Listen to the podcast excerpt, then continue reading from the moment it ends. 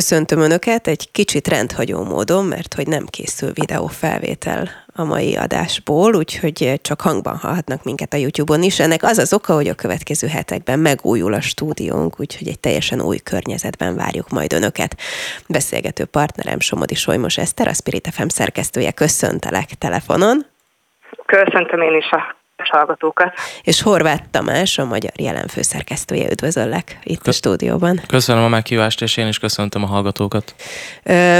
Kezdjük talán az árstoppal, azt beszéltük, hogy van téma bőven, és az egyik, ami mindenkit érint, az az árstoppok. Sőt, én talán onnan indulnék, hogy amikor az előző kvázi akciónak vége lett, nekem mesélte ismerősöm, hogy elment egy nagy áruházlánc üzletébe, és reggel kilenckor már elfogyott a hús egyébként, mert hogy az aznapig, július 31-ig volt kvázi akciós, gyakorlatilag nem lehetett húst kapni. Mit gondoltok a helyzetről? Egyébként most is vannak hírek, hogy korlátozott mennyiségben lehet kapni bizonyos termékeket. Érdekes mindig, amikor ilyen változás alakul, hogy az miként foghat nem csak a piacra az árakra, hanem a vásárlóknak a hozzá állásának kapcsán is, úgyhogy én nem tudom megtippelni, nem igazán jártam az elmúlt napokban a boltba, úgyhogy várom, hogy a hétvégi nagy bevásárlásra lehet tapasztalni. Szoktál vásárolni, Tamás? Szoktam vásárolni, igen, és mikor még éltek az árstopok, akkor is pontosan az árstopok, árstopos termékekből volt sokszor hiány, tehát igazából ilyen szempontból talán pozitív hatása lesz a piacra, vagy a keresletre az, hogy eltörölték az árstoppot. Most nyilván itt ugye ez a kötelező akciózás valamilyen szinten mérsékli az árakat, de én itt behoznék egy olyan szempontot, hogy a, a kiskereskedők és a kisboltok megint gyakorlatilag rosszul járnak, hiszen a, a multik már eddig is sokkal olcsóbban tudták eladni a termékeiket, és most ugye még kötelezik is a multikat arra, hogy bizonyos termékekre még nagyobb akció legyen, tehát ilyen szempontból a kisboltok még nehezebb helyzetbe kerülnek. Hát a kisboltok is, meg ugye sok kritika éri a, a nagyobb üzletláncokat, hogy bezzeg az árat mondjuk, amit az egyiken meg kellett nekik spórolniuk, azt ráterhelték másik termékre. Én itt azért mindig, ha nem is az ördög ügyvédjeként, de mindig behozom, hogy hát nyilván, tehát hogy ez szerintem nem meg, meglepetés, hogyha az egyiket olcsóbban kell adnia, már pedig egy, egy bármilyen üzletnek hoznia kell mondjuk azt, hogy kifizesse az eladóit, meg egyáltalán legyen haszonkulcsa, akkor körülbelül teljesen evidens számomra, hogy akkor a másik terméket drágábban adja, nem? Természetesen már csak így a piaci logika miatt is, tehát ezek a multinacionális cégek ugye kizárólag a profitot nézik, és gyakorlatilag minden egyes forintot megpróbálnak a maguk kasszájában hagyni, vagy a maguk zsebében hagyni, igen, tehát ez egy, ez egy olyan jelenség, amit én is tapasztaltam, hogy oké, okay, hogy mondjuk voltak ásopos termékek, vagy vannak akciók, viszont más termékek árai meg emelkednek. Egyébként nagyon szerettünk gondolkodni nagy üzletláncok esetében, de én itt még behoznék egy olyan szálat, hogy azért azt se felejtsük, hogy talán májusban jött ki az a kapcsolatban KSH adat, hogy több mint 4500 kiskereskedelmi egységet kellett bezárni. És ugye akik nagyvárosban élnek, nagy településen, annyira nem érzékelik, hogy mit jelent mindez a hétköznapokban a kis településen élők számára, hiszen nekik akkor itt már már úgymond befigyelhet az a probléma is, hogy akkor be kell ingázni egy-egy vásárlás esetén a nagyobb településre, ahol viszont a multikban valóban küzdhet azzal, hogy néha indokolatlanul az egyik termék olcsó, azt meg valószínűleg ugye beépítik a másik termékárába, tehát ezek a piaci mechanizmusok egyébként is nagyon érdekesek, viszont hogyha ennyire direkt módon belenyúlnak, mint az elmúlt időszakban a kormány, akkor szerintem még nehezebb kiszámolni, hogy mi fog történni. Behoznék még egy példát, ami személyes példa. A minap Kisorosziban jártam a barátaimnál, ami most ugye így nyáron dübörgő turizmusról híres, hiszen a Sziget csúcs az most már egy ilyen sokak által kedvelt kempinges terület, és ott mesélte az ott élő egyébként barátnőm, hogy hát a szomszédba is mit kiadnak házakat, és Bécsből érkeztek oda vendégek, akik a hét közepén mondták, hogy hát most akkor ők hazaugranak vásárolni, Bécsbe, Kisorosziból, mert hogy igazából olcsóbb, hogyha hazamegy és ott nagy bevásárlást tart, mint hogyha a Kisoroszi helyi kisboltba mondjuk bemenne. Ez elég sokkoló történet volt számomra. Hát reméljük, hogy nem a hazai benzinkutakon tankolnak, ne felejtsük el, hogy péntektől drágulnak az üzemanyagok is, és akkor most már az ingázásnál az is bejátszik megint, hogy akik a határ mentén vannak, és ott átjárnak vásárolni, akkor érdemes egyúttal megtankolni is az autót. Egyébként hihetetlen, hogy én például külföldön, mikor nyaraltam idén, akkor szintén azt tapasztaltam, hogy évekkel korábban, ha kint jártam, akkor mindig azt lehetett hallani, hogy minden milyen drága az élelmiszerek tekintetében, itthon viszont mennyivel jobbak az árak. Most ez szerintem baromira megváltozott, nyilván országtól függő, de vagy azonos árakról beszélhetünk, vagy pedig külföldön bizonyos termékek igenis olcsóbbak. Ahogy te is említed, Annikó, én is egyre több ismerősömtől hallom, hogy átjárnak. Az üzemanyagokról meg ne is beszéljünk, mert autós nyaraláson voltunk, és minden benzinkuton mégis azt csodálhattuk meg, hogy nem kellett tartani, hogy a külföldi benzinkutakon drágább lesz az üzemanyag, hiszen ebben is az EU-ban vezető Magyarország, talán a top 3-ban van az üzemanyagárak tekintetében. Miért hagyom, hagyom Tamásti szóhoz jutni, csak ehhez a példához még hozzátenném, hogy is megkérdezte a bécsi turista egyébként a barátnőméket, hogy hozzak valamit egyébként, és kiderült, hogy például mondjuk bevásároltattak vele pixalámit, mert az kint olcsóbb, mint itthon.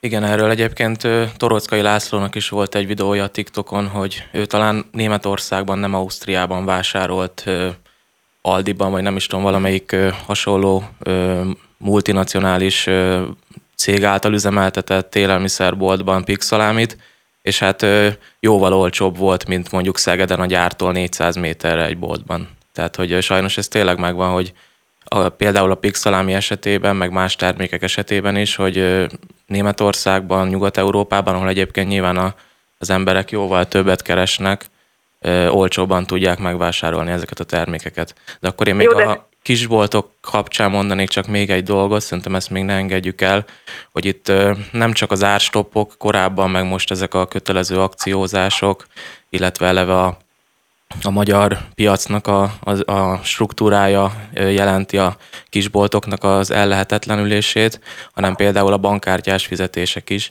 Tehát ugye nyilván, hogyha valaki bankkártyával fizet, annak egy bizonyos százalékát azt a terminálnak a szolgáltatója ugye levonja, tehát az nem a bolt tulajdonoshoz megy, és ezzel kapcsolatban akkor mondanék én is egy személyes példát, hogy pár héttel ezelőtt vásároltam egy kisboltban, és hát rutinból csak, vagy egy, csupán egy fél literes ásványvizet vettem 150 forintért, és ugye rutinból kártyával akartam fizetni, és mondta az eladó, aki egyébként a boltnak a tulajdonosa is egyben, hogy hát akkor inkább vigyem el ingyen, mert hogy nem éri meg neki egész egyszerűen, hogy kártyával fizetem ezt a 150 forintot, és akkor szerencsére eszméltem, meg volt nálam egy kis apró, úgyhogy végül ki tudtam fizetni készpénzben, de hát tényleg ez is azt mutatja, hogy a készpénz használatnak ilyen szintű visszaszorulás, amit egyébként sajnálatos módon ugye maga a kormányzat is támogat, ez megint csak rossz hatással van a kisboltokra.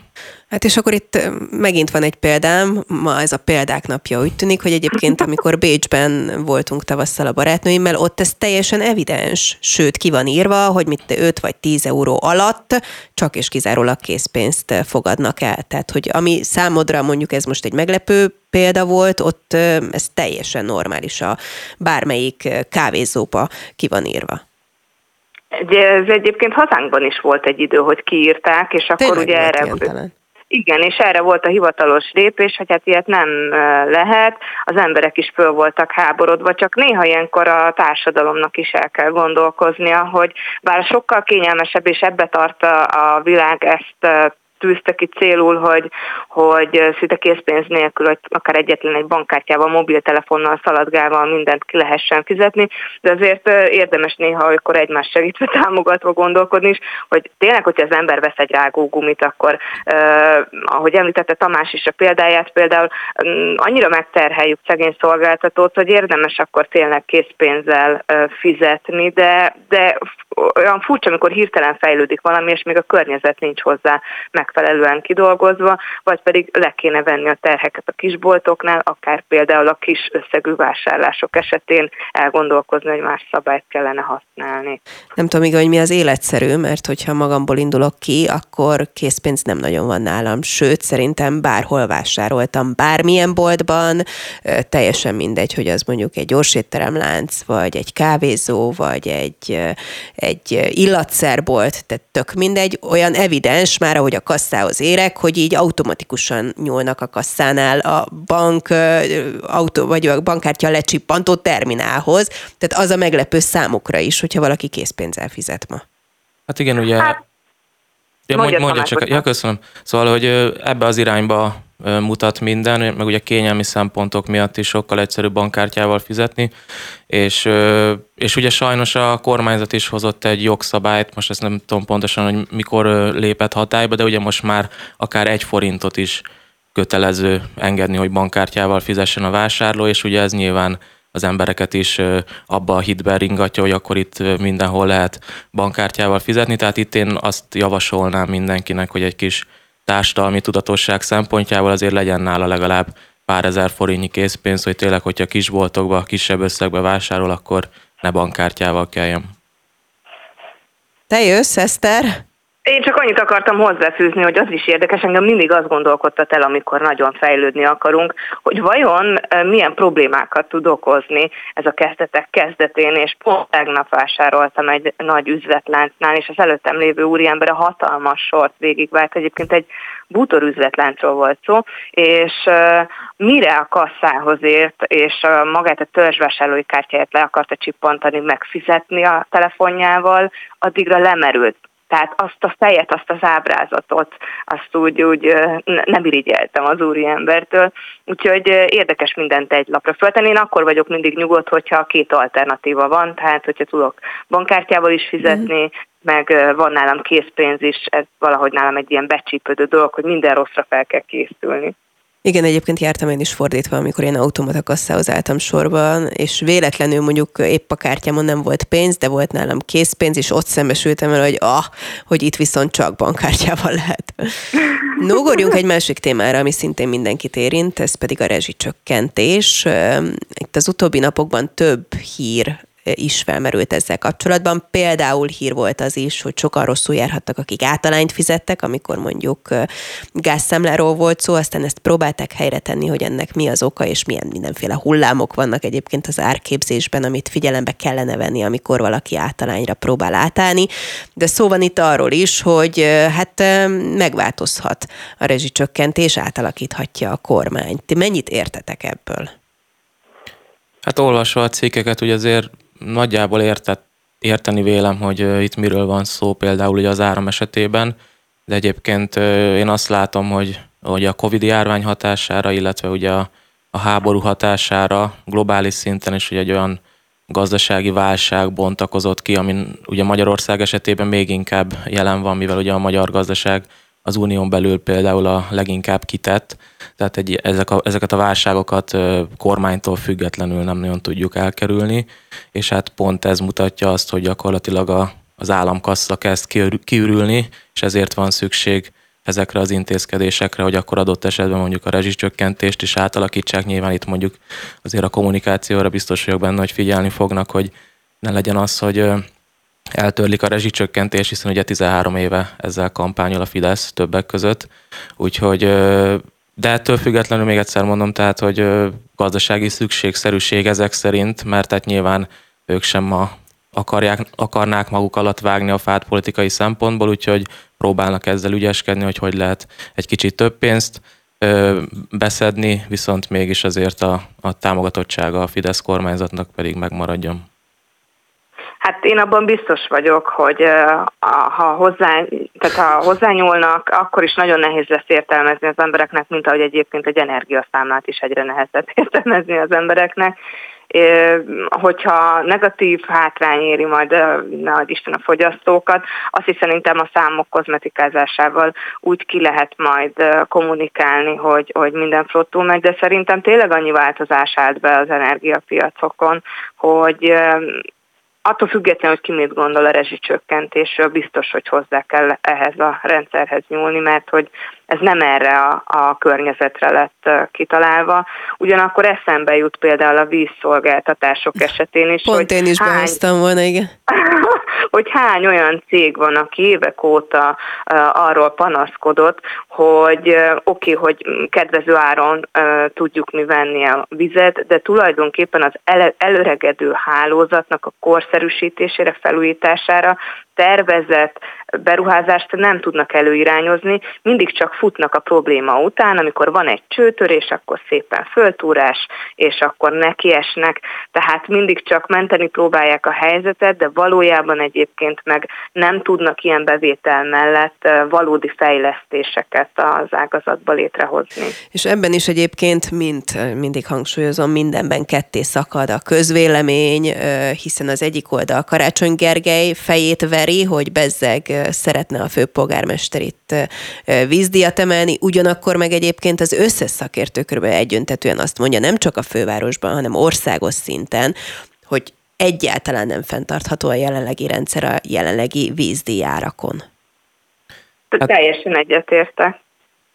Igen, hát ezekben a kérdésekben jobb lenne egyébként, hogyha a politika egy lépést hátra lépne, és akkor tényleg szakmai érvek alapján, meg a fenntarthatóság szempontjából tudnánk ezeket a kérdéseket vizsgálni, mert így ez a politikai sárdobálás érkezzen erről az oldalról, vagy arról az oldalról, azért mindig megnehezíti ezeket a reformokat, és egyébként behoznék akkor egy, egy másik témát, ami nem, nem a rezsihez kapcsolódik, de hasonló jelenség, ugye ez a MÁV-nak a helyzete, tehát ott is az van, hogy évek óta fejlesztésre szorulna, de de, de hogy egész egyszerűen talán Anikó, te, mond, te fogalmaztál így a, a víz kapcsán, hogy a bevételek nem teszik lehetővé azokat a fejlesztések, ugye, ugye ez a MÁV-nál is megvan, és ott úgy próbálják most elfedni a hiányosságokat, ugye, hogy bevezették a Vármegye bérletet és az országbérletet, ami egyrészt egy nagyon jó dolog, tehát én ezt nem akarom támadni, viszont ez is azt mutatja, hogy inkább akkor olcsóban tudjanak utazni az emberek egy, egy rossz egy rossz mávval, mint hogy mondjuk drágább jegyárak legyenek, viszont akkor tényleg a, akár a, a, ezeket a szárnyvonalakat ne kelljen bezárni, ugye amiről most döntött a kormányzat, illetve hogy mondjuk légkondicionált alacsony padlós kocsik legyenek, ne csak az, ne csak az agglomerációs közlekedésben, hanem mondjuk hűvidéken is. Igen, most már elismerte a MÁV azt, hogy 40-50 éves egyébként az átlag életkora a Igen. vonatoknak, a szerelvényeknek, ami azért nem kevés, és irgalmatlan pénzt kellene ebbe is beleölni, és azért lássuk be, hogyha valaki vidéken jár, vagy mondjuk ingázik, vagy sokat utazik, akkor szembesül azzal, hogy vannak mindenféle ilyen közös autós utak, amikor össze lehet ülni, nem mondom ki a nevét ezeknek a szervezeteknek, és valóban olcsóban jön ki, mint hogyha a vonatra felül, és vélhetően jobb minőségben utazik. Hát de azt is teszem hozzá, megjegyzem személyes példa, pont a külföldi nyaralás kapcsán autóval mentünk ki, de amikor kirándulást terveztünk és nagyobb városokat szerettünk volna meglátogatni, akkor kiszámoltuk, hogy mennyi idő vonattal, mennyi idő autóval, és hát mégiscsak egy vadidegen környezetben, ugye általában azért a vonatok viszonylag a belvároshoz közel állnak Aha. meg egy nagyobb városban, vonattal közlekedtünk. De azért is tudtuk ezt választani, mert annak ellenére, ellenére, hogy nyilván a vonatnak több megállója van és meg megáll, olyan tempóval tud haladni, hogy azért nem növelte meg annyira az útidőt, mint hogyha autóval mennénk, mert ott meg nagyon sokat azzal eltökörészik az ember, hogy parkolóhelyet keressen, meg egy vagyonba kerül, etc. etc. De itt Magyarországon a pályáknak a minősége miatt, bár akár a mozdony képes lenne nagyobb sebességgel haladni, a pálya nem teszi mindezt lehetővé, mert olyan minőségben van, hogy le vannak szabályozva a mozdonyok. De egyébként az is igaz, amit Anikon mondtál, hogy a kis településekről a közlekedés baromi nehéz. Már a hallgatók többször hallhatták, ugye, hogy én vidékről járok, és az első kérdés mindig az szokott lenni, hogy és akkor Eszter vonattal, és mindig be kell töredelmesen vallanom, hogy Paksról nincs tömegközlekedés a főváros irányába, úgyhogy nem vonattal. No, innen folytatjuk egy nagyon rövid szünet után. És folytatjuk a beszélgetést Somodi Solymos Eszterrel, a Spirit FM szerkesztőjével, és Horváth Tamással, a Magyar Jelen főszerkesztőjével, és eddig igazából az árakról beszélgettünk. Hát sok jó hírünk nem volt szerintem, körülbelül arra juthatunk, hogy minden drágul. Szeretném, hogyha a vízumügyel folytatnánk mindenképpen röviden. Ez a korlátozás, amit most bevezetnek, ez a valós korlátozás, vagy csak politikai üzenet? Hogyan látjátok? Akkor kezdem most én. Szerintem ez inkább politikai üzenet, sőt ugye ezt követően ki is adott egy közleményt az amerikai külügyminisztérium, vagy legalábbis volt valami megszólalás ezzel kapcsolatban, hogy itt ugye ennek igazából gyakorlati okai vannak, hogy nagyon sok hamisított útlevéllel utaztak be az Egyesült Államokba, magyar útlevéllel, és hogy így kerülték ki a vízumot, és szereztek jogosulatlanul vízummentességet.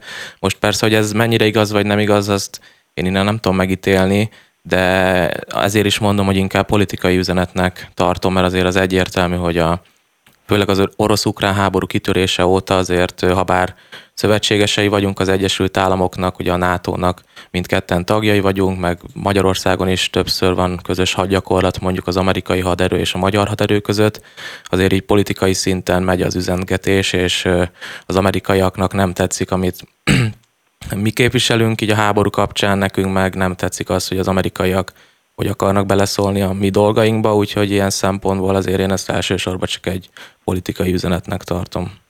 Azért gondolnám politikai üzenetnek mindenképpen, mert hogyha életszerűen nézzük, akkor ugye jelentősnek tűnik a szigorítás, hiszen kettő évről egyre korlátozik, vagy csökken, és egyszeri belépésre az az úgynevezett ezt a érvényességi ideje, de hogyha valaki kvázi csak turistaként szeretne kimenni Amerikába, ő nem, tehát itt azokról van szó, tehát aki turistaként akar kimenni, az, az nem éri hát, nem érinti ez hátrányosan, hiszen kimegyek, ott töltök egy vagy két hetet, már aki megteheti, és visszajön.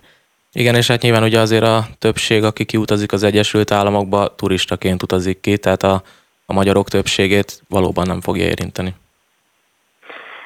A magyarok többségét nyilván nem, de mindig vannak ezek az egyedi esetek, és én mindig azt tartom szomorúnak, amikor a kis egyedi esetekre nem figyel az ember, mert amikor a katamódosítás is volt, akkor mindenki megnyugodott, hogy azok, akik idézőjebb adócsalók voltak, mert kedvezőbben tudtak így munkavállalót dolgoztatni, most akkor azok majd, majd szépen beállnak a sorba, de voltak azok, akiknek ez komoly érvágás volt, hiszen ők nem adócsalók voltak, hanem nekik ez a lehetőség állt rendelkezésre, több helyre számláztak, stb. stb. Tehát nem szabad általánosítani. Aki Amerikába kiment, nyilván nem mindenki volt ilyen hamisnak vélt útlevéllel, Sőt, szerintem az volt a többség. Én mindig azon gondolkodok el, ha ez lenne a gond, és nem politikai üzenetről van szó, akkor miért nem lehet a szabályozást úgy megerősíteni, hogy jobban ki lehessen ezt szűrni. Persze itt felmerül az is, amit több portál is lehozott, hogy nem volt nagyon partner ebben a kormány, úgyhogy itt azon az állásponton vagyok, mint Tamás, hogy nehéz egyébként innen megítélni a valóságot, viszont nagyon sok Amerikában élő magyar van, akiket azért csak-csak meglátogat a családjuk, és azok számára ez például szintén kényelmetlen lesz, bár a kormány szempontjából meg biztos pozitív, hogy hát a honvágya lesz a rokonok miatt a magyaroknak, és hazajönnek majd dolgozni. Az elmúlt napokban több cikk is született az egészségügy helyzetéről, illetve arról, hogy mennyit keresnek, vagy mennyit nem keresnek az egészségügyi dolgozók. Az egyik televízió számot adott arról, hogy volt egy fővárosi házi orvos, aki igazából a saját fizetését csökkentette azért, hogy az asszisztensnek tudja emelni a bérét, de szó volt itt olyanról is, aki elvileg kapott béremelést a bérendezés után, gyakorlatilag viszont kevesebbet keres, mint előtte. Eddig is nagyon nehéz helyzetben volt a magyar egészségügy. Ez az egyik láb, amit szoktunk mondani, hogy körülbelül ilyen feneketlen veder, és azért nem szeret semmelyik politikai kormányzat hozzányúlni, mert csak önteni kell bele a pénzt, de nem látják a végeredményt. Mit gondoltok, mennyire menthető ez az egész, illetve mennyire evidens az az út, amit sokan mondanak, hogy teljesen ketté szakad az ország ebben is, hogy aki megteheti, az elmegy majd a magán rendelőkbe, ahol nem feltétlen kell heteket sorban állni, bár itt jegyzem meg, hogy itt is van most már olyan szakrendelés, ahol bizony hosszú a várólista még magánrendelésben is. Aki pedig nem, tehát hogy megint az jár rosszul, aki nem milliókat keres, ő pedig majd hónapokat vár egy-egy vizsgálatra, nyilván még nagyobb lesz az ápoló, meg szakember hiány, hogyha ilyen mértékű fizetéssel kell szembenézniük. Hova tart az egészségügy? Eszter? Tamás? Én, én kezdem, Mindenki jó, valakinek okay. a nevét. Oké, okay. uh, hát én foglalkoztam az ATV híradóján belül is egyébként a témával, és nagyon érdekes, hogy a szakembereknek egyébként, akárha nem is pártpolitikában uh, dolgozó szakemberről van szó, hanem uh, teljesen független szakembernek is az a véleménye, hogy azért uh, komoly gond van az egészségügyben, de én azt hiszem, ezt senki nem vitatja, hiszen a saját bőrünkön tapasztaljuk. Az az elmúlt időszakban is komoly problémát jelentett, hogy uh, azért komoly költségek árán tudta az ember egy kicsit meggyorsítani a vizsgálatait, hiszen igenis van, ami nem várhat, vagy pedig annyira komfortérzeten kívüli a, a fájdalom, hogy, hogy az ember megpróbálja a folyamatot gyorsítani. Viszont az is igaz, hogy a várólisták már ott is nagyon megnőttek, és az árak szintén elszálltak. Tehát szerintem valahol szomorú, hogy lenne egy egységes rendszerünk, ami nem működik, közben azért a magánegészségügyben pedig szintén egy vagyont kifizetünk, de hát ugye a cél az, hogy egyébként a magán egészségügyet minél jobban szétválaszták az államitól, mm, a legnagyobb probléma szerintem itt is egyébként az, amin persze viccelődhetünk, hogy mennyire sokan jelentkeztek pedagógusnak, és hallhattuk aztán pont a napokban is a hírekben, hogy az életpályamodell megtette hatását, és nagyon érdekli továbbra is a fiatalokat ez a, ez a pálya, viszont nem tudom, hogy az egészségügyben ki fog ma hol dolgozni, hiszen azért ne felejtsük el, hogy ők ember feletti munkát teljesítettek a Covid idején, és azért mindenki tudja, ha valaki egy húzós időszakon átesik, akkor azt mire kipiheni, és ők most nem kipihenik, hanem stresszelnek, és azt látják, hogy az ő helyzetükben folyamatosan valahol kérdés van, mindig valahol hatalmas kérdés van, egy-egy odaszúrás, tehát a szakápolók helyzete, a házi orvosok helyzete, és a védőnők is igenis panaszkodnak, hogy ez az új rendszer nem teljesen megfelelő számukra, hiszen nagyon sok olyan kedvezménytől tudnak elesni, amit a települések biztosítottak számukra, és szerintem ott még nagyon sok kérdés nyitva van, majd menet közben kiderül, hogy mi lesz velük. Én hallottam olyan védőnőről is, aki szintén azon gondolkodik, hogy feláll, mert ebben a rendszerben ő már nem azzal a kedvel, lendülettel és anyagi megbecsüléssel folytatja, mint ahogy azt korábban tette. Úgyhogy igen, itt sem jó híreink vannak, mondhatjuk azt, hogy az editorban most még sok jó hírt nem tudtunk megosztani, de szerintem az is igaz, amikor tanácsokat adnak, hogy spóroljon az ember a nyugdíjra, hogy most már az is igaz, hogy az ember havonta próbáljon félretenni a magánorvosi ellátásra is, mert ki tudja, melyik hónapba kell elmennie valami vizsgálatra. Tamás? Illetve akkor ugye figyeljünk a prevencióra, hogy ne legyen szükségünk, vagy minél kevesebb szer legyen szükségünk arra, hogy, ar, hogy orvoshoz menjünk. Egyébként ugye az egészségügy, ugye ezt Anikó is mondta, hogy ez mindig rossz volt Magyarországon, tehát ez kormányokon, kurzusokon átívelő probléma, és tényleg mm, ebbe meg kell védenem valamilyen szinten a mostani kormányt, hogy, hogy korábbi kormányok se tudtak vele mit kezdeni, ők se tudnak ezzel mit kezdeni, sőt ez európai probléma is, tehát mindenhol azt látjuk, hogy a magán egészségügy irányába tolódnak el a hangsúlyok, illetve pont az átlátszónak volt egy összehasonlítása nem olyan régen, ami arról szólt, hogy a, nyilván Magyarországon nagyon hosszúak a várólisták, de egyébként környező országokban is ugyanilyen hosszúak, tehát hogy ez nem csak magyar probléma, Láthatóan azért a kormány próbálkozik, tehát hogy az orvosok bérét azt sikerült rendezni, ők már talán nem panaszkodhatnak emiatt. Most ugye július 1-től az egészségügyi szakdolgozók bérét is emelték 18%-kal, viszont ugye itt jönnek be azok a visszásságok, amiről Anikó is említést tett, hogy például a Veszprémi kórházban volt egy olyan dolgozó, akinek hiába emelték meg ugye a 18%-kal a bruttó alapbérét, egyéb illetményeit elvették, így összességében 60 ezer forinttal kevesebbet keres, mint a béremelés előtt.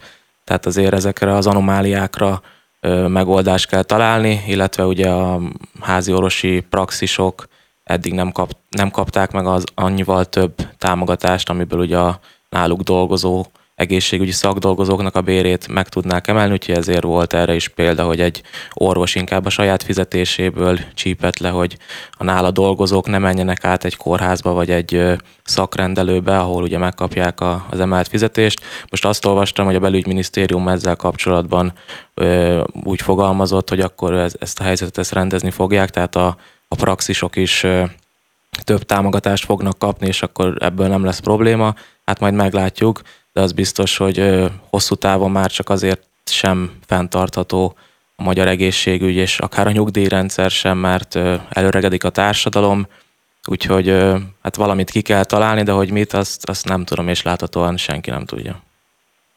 Hát meg a kérdés, hogy mikor omlik össze annyira a rendszer, hogy az már tényleg tarthatatlan legyen, mert ahogy ugye beszéljük itt, hogy évek óta is kormány, jelenlegi kormányokat megelőzően is ez meggondot jelentett, mindig az a kérdés, hogy hol van az a pont, amikor viszont már, már ennyire sem tartható. No, lépjünk tovább. Van egy hír, ami a magyar jelenhez köthető, nem tarthatja meg Bodajkon nyári táborát a Szikra mozgalom. Miért? Kérdezem Tamást, mi volt a gond ezzel?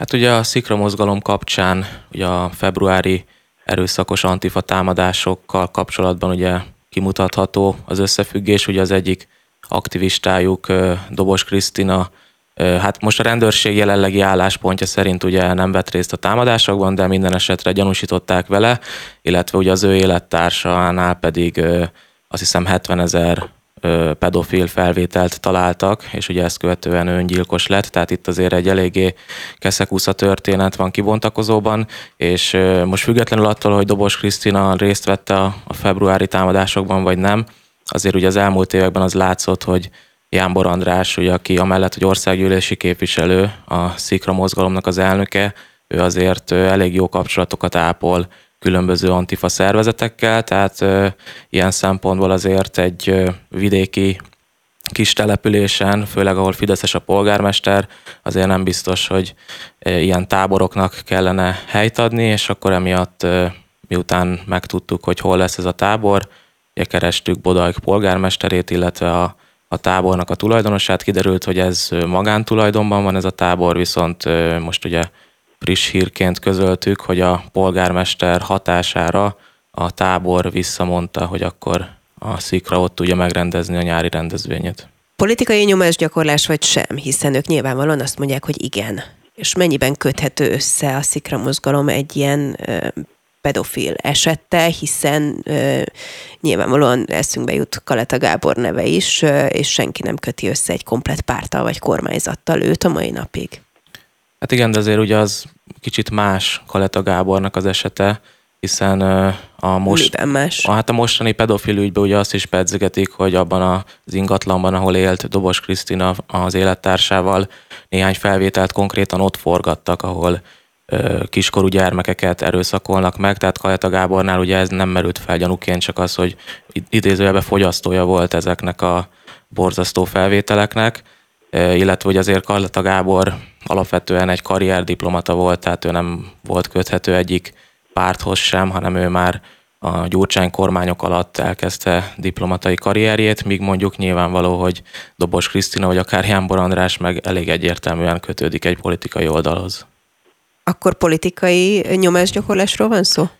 Ez, Ez azért kimondható? Szerintem igen, de szerintem ezzel nincs probléma. Tehát a, a másik oldal ugyanezt szokta csinálni, hogyha van egy általuk szélső oldalinak, rasszistának, bárminek vélt rendezvény, akkor megkeresik a, a helynek a tulajdonosát, amelyik ezt kiadná erre a rendezvényre, vagy egyéb módokon megpróbálják úgy befolyásolni a közvéleményt, hogy akkor elálljanak ezektől a rendezvényektől. Hát most ez a másik irányba is működött, úgy tűnik. Ennyi történt. A Szikra mozgalom egyébként azt mondja, hogy nyilvánvalóan pedofil tartalomról szó nincs egy ilyen rendezvény, ez, rendezvényen, ez egy politikai rendezvény lett volna.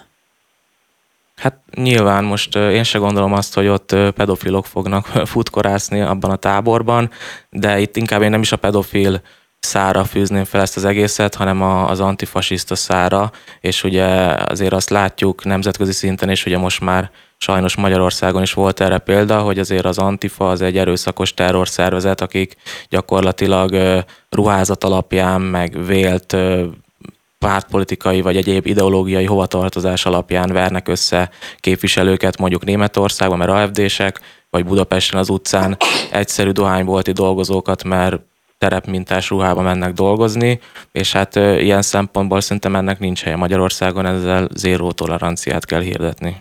Mondjuk szerintem van probléma a politikai nyomásgyakorlással, de különbözhet a véleményünk, nem kell, hogy egyet mondjunk. Eszter, szeretnél-e ehhez a témához hozzászólni? Itt vagy még? Persze, természetesen itt vagyok. Nagyon elgondolkodtató a kérdés, hiszen az élet több területén is felszokott merülni, akár pedagógusok körében valakiről felmerül, hogy ő pedofil vagy sem, és a papok, és sorolhatnánk, hogy mi minden területen tud ez felmerülni. Én szerintem az lenne a legfontosabb, hogy az emberek alapjába véve úgy álljanak hozzá, hogy mindegy, hogy valaki politikus, közéleti szereplő, vagy csak egy utolsó kapanyelet ragadók és egyszerű ember egy mezőn, mert teljesen mindegy. Szerintem mindannyiunknak el kéne határolódni ezektől az eseményektől, és a minden egyes szervezetnek vagy közösségnek hogyha felmerül, hogy valamely tagjuk ilyen, meg kéne vizsgálni az esetet, és hogyha a gyanú fölmerül, hogy ez igaz az illetőre, akkor el kéne határolódni, vagy legalábbis ö, megkonzultálni a dolgokat, hogy akkor most mi a helyzet. És ugye az a probléma, hogyha valahol fölmerül, először tagadják, majd kiderül, hogy igaz, most nem azt mondom, hogy a sziklamozgalom esetén ez feltétlenül igaz, akkor úgy elhitelteleníti magát a szervezet. És ugye itt is az elején azt lehetett azért hallani, hogy kizárt, most már azért ugye rokoni szálak kapcsán mégis, de nem egyszerű kérdés, van, ahol ezt gyorsan megoldják azzal, hogy akkor elhatárolódnak az adott személytől, és akkor az nem feltétlenül okoz problémát, utána le lehet kommunikálni, hogy ők megvizsgálták magukat, és aki nem illet a szervezet közé, az pedig eltanácsolták. Én csak annyit tennék hozzá, hogy igen, nem feltétlen tud arról egy politikai egyesület vagy szervezkedés, hogyha az egyik tagja ilyet művel és nyilván elítélve ezt az egész cselekményt. No, oldjuk szerintem egy kicsit így ezt a hát szinte feszültséget köztünk. Szeretném egy, egy népszerű, vagy a, a, a Facebookon, legalábbis a közösségi médiában népszerű tartalommal zárni. Láttátok-e már a Barbie filmet? Mert körülbelül azt érzem, hogy, hogy én még nem jutottam el moziba, és ha eljutnék, akkor bevallom, nem biztos, hogy a Barbie filmmel kezdeném, hogy olyan szinten dör ránk a rózsaszín, habos-babos világ az elmúlt napokban, amióta a premierje meg volt ennek a filmnek, hogy szinte ciki, hogyha valaki A nem csinál ilyen profilképet, most már ugye vannak ilyen alkalmazások is, ahol ingyen csinálhatsz magadból Barbit vagy Kent, B, hogyha nem tud véleményt alkotni ebben a témában. Tamás? Ez valóban éles váltás az előző ugye? témához képest. És Valamivel muszáj fellazítanunk a végét. Ugye most nincsen kamerafelvétel, de azért a hallgatóknak elárulom, hogy Anikó rózsaszínben van, én pedig, én pedig kékben, de ez most csak a véletlen műve, nem így terveztük. Rátérve a kérdésre, én még nem láttam a filmet, én is ugye nagyon sok véleményt olvastam vele kapcsolatban, úgyhogy én egyébként kíváncsian várom, szívesen megnézném de ez a fajta körítés, ami valóban így a közösségi médiát is elárasztotta, azért ez már szerintem egy kicsit sok. Brutálisan ügyes marketing szerintem, azt kell, hogy mondjam. Hát igen, hogyha így nézzük marketing szempontból, akkor nagyon ügyes. Tehát nagyon gratulálnék a szerzőknek. Az én időmben, nem mai gyermek vagyok, őrületes barbiláz volt, és én egyébként azt tapasztaltam, hogy tehát nálunk az volt kvázi a verseny, hogy kinek van több barbia, meg hú, ha valakinek volt lakókocsia, akkor ők nagyon gazdagok voltak, hogy akkor íz, és akkor átjárhattunk oda barbiz nézni, meg és ez a mai gyerekek, vagy a mai fiatalok világából így szerintem abszolút kikopott, vagy kimaradt, hiszen számtalan más vette át a szerepét, és azt érzem, hogy ezzel a mostani marketing dömpinggel ismét a, a gyerekek, a kislányok barbilázban kezdenek majd égni. Hát uh, akkor megszólalok én is az ügyben.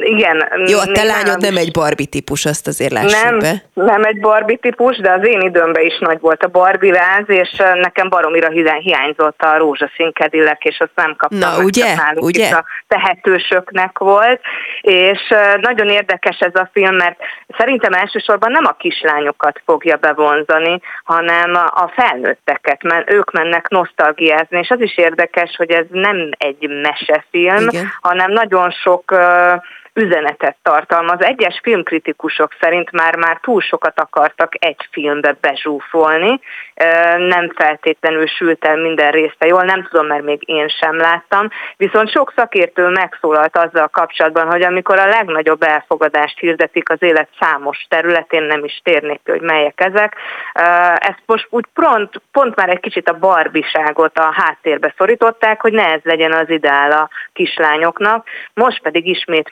mindenhol a barbikat lehet látni, és felmerül a kérdés, hogy vajon miként hat ez majd a mai fiatal lányokra, ez lesz az ideál. Bár egy időben pont a Barbie cég, a Mattel ugye elkezdte gyártani azokat a barbikat, amik nem ezek a standard barbik, mert hát már akkor elindult az, hogy hogy ne ennyire egy szemponttal békony, magas, szőke barbik legyenek, úgyhogy például voltak színes bőrök, és sorolhatnám, de, de az alakra vonatkozóan azért a barbik zöme egyáltalán nem a molett kategória volt, sem pedig a kis kecsesen gömbölyödő, úgyhogy én egy kicsit féltem a kislányokat, hogy nehogy azt higgyék, hogy most újra ez a divat. Hát mert hogy igazából bármit mondunk, ez a kvázi divat sosem kopott ki szerintem a köztudatból. Tehát a, a mai napig, és akkor mondhatom nem csak Barbie fánként, hanem aki túlestem az összes létező fogyókúrán, meg nem tudom min, hogy a, a női ideál önkép az még mindig az, hogy valakinek legyen ez a 90-60-90, vagy mi, mi az ideális, ha jól emlékszem még? Uh én nem, megpróbáltam nem elsajátítani ezeket a, a bocsánat, adatokat, úgyhogy nem tudom, hogy mi az ideális, sose volt hozzá közöm az ideális uh, alakhoz. Um, remélem, hogy életem végig ki is bírom úgy, hogy, hogy nem feltétlenül fogom elsírni magam, ha nem sikerül ezt elérni. De nekem könnyű dolgom volt, mert én egyedüli lány voltam sokáig a családban, a húgom később érkezett, és uh, nem volt kihez hasonlítgatni magamat. nem volt probléma. Tamás, milyen az ideális nő? Jó, valami okosat mondja. Hát van barátnőm, úgyhogy így azt mondom, hogy ő nem akarom most, hogy megsértődjön, vagy féltékeny legyen, úgyhogy... No, legyen így. Horváth Tamás, a Magyar Jelen főszerkesztője, és Somodi Solymos Eszter, a Spirit FM szerkesztője. Köszönöm, hogy itt voltatok, önöknek pedig a figyelmet köszönöm, és pár hét múlva akkor ismét videóval jelentkezünk egy teljesen megújult stúdióból, viszont hallásra.